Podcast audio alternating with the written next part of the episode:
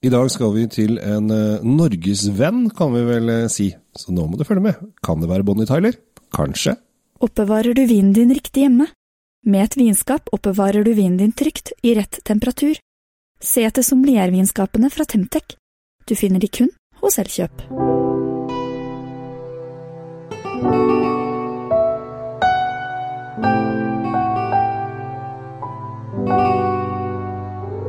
Hei, hjertelig velkommen til dagens episode.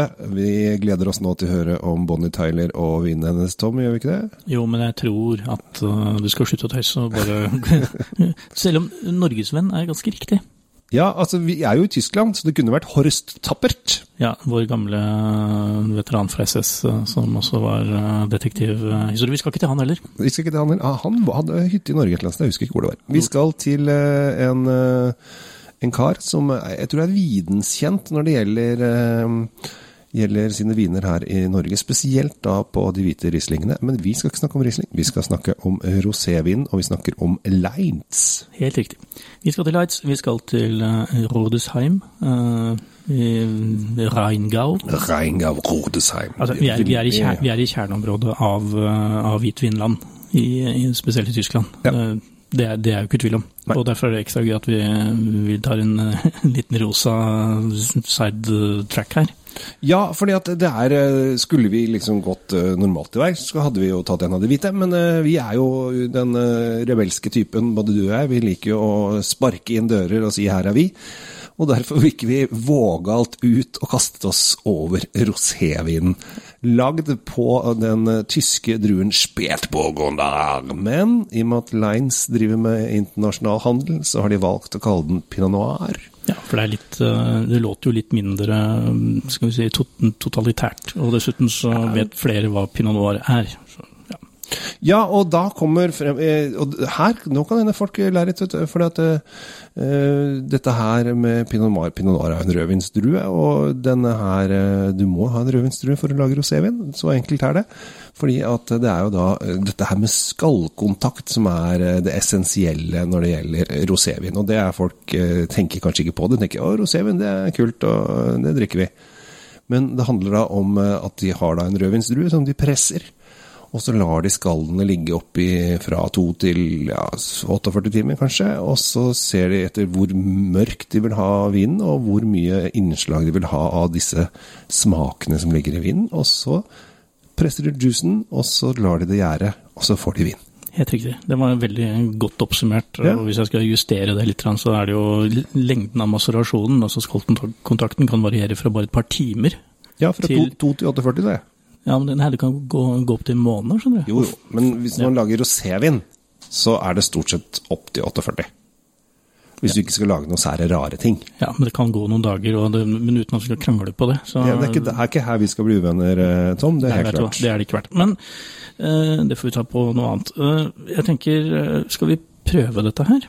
Altså, Lines er jo et hus som har vært i Norge ganske lenge. Mm.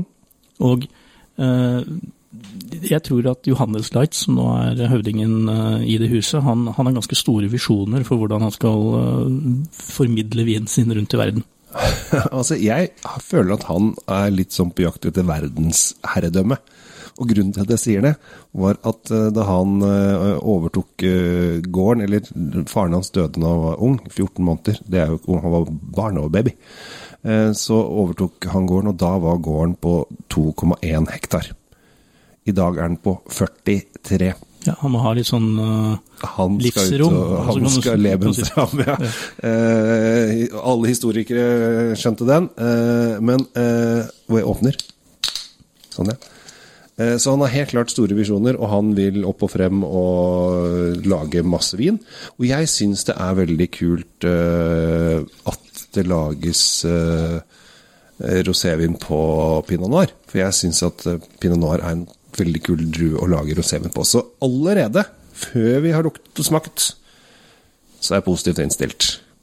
Ja, men det er jo bra. Det er et bra utgangspunkt, fordi det, det er ikke noe som er så trist som å ha en vinanmelder som er ganske kjip og negativ. Og det, de fins, men vi liker jo ikke å være sånn, vi. Nei, altså det du og jeg driver på med, Tom, er jo inspirasjon og glede. Eh, altså For andre driver og sutter og griner over vin. Det har ikke vi. vi det er altfor mye god vin der ute til at vi skal begynne å å ta frem alt som er dårlig. Vi kan heller ta frem alt som er godt. Men eh, jeg har ikke smakt denne her på godt over et år, for det er jo stort sett en gang i året man kaster seg over eh, rosévinene, så dette her blir eh, da kan jeg si, mens eh, Kjell Gabriel eh, lukter og, og, koser seg med det, så kan jeg si at hvis du er en av de som da har vært lur og sjekka ut åssen vin som gjelder i det programmet her, og kjøpt en flaske med Lights Rosé 2020, så så kan du følge oss på, på, denne, på denne, lille smaketuren. Og så, mm. Det første vi ser, er at den er jo Det står jo også i beskrivelsen den skal være lys rosa, og det er den. det, er jo ikke tvil om det. Check, lys rosa. Ja, Den kunne vært lysere òg, det vil si at den er ikke sånn lys, lys, lysrosa. Den har uh, en typisk roséfarge. Hadde, hadde, vi vært i Provence nå, så hadde jeg sagt den eh, heller mot det mørke. Ja, det er akkurat det den gjør. Um, og det første jeg lukter, er litt sånn jordbær tutti frutti. Skikkelig eh, Og det syns jeg er Det er det jeg syns er så digg med rosévin. For det er vår tidlig sommer med en gang. Vi har dette lette uh, bærtouchet. Både Ja, du sier tutti frutti, jeg sier, uh, jeg sier bringebærdrops. Mm.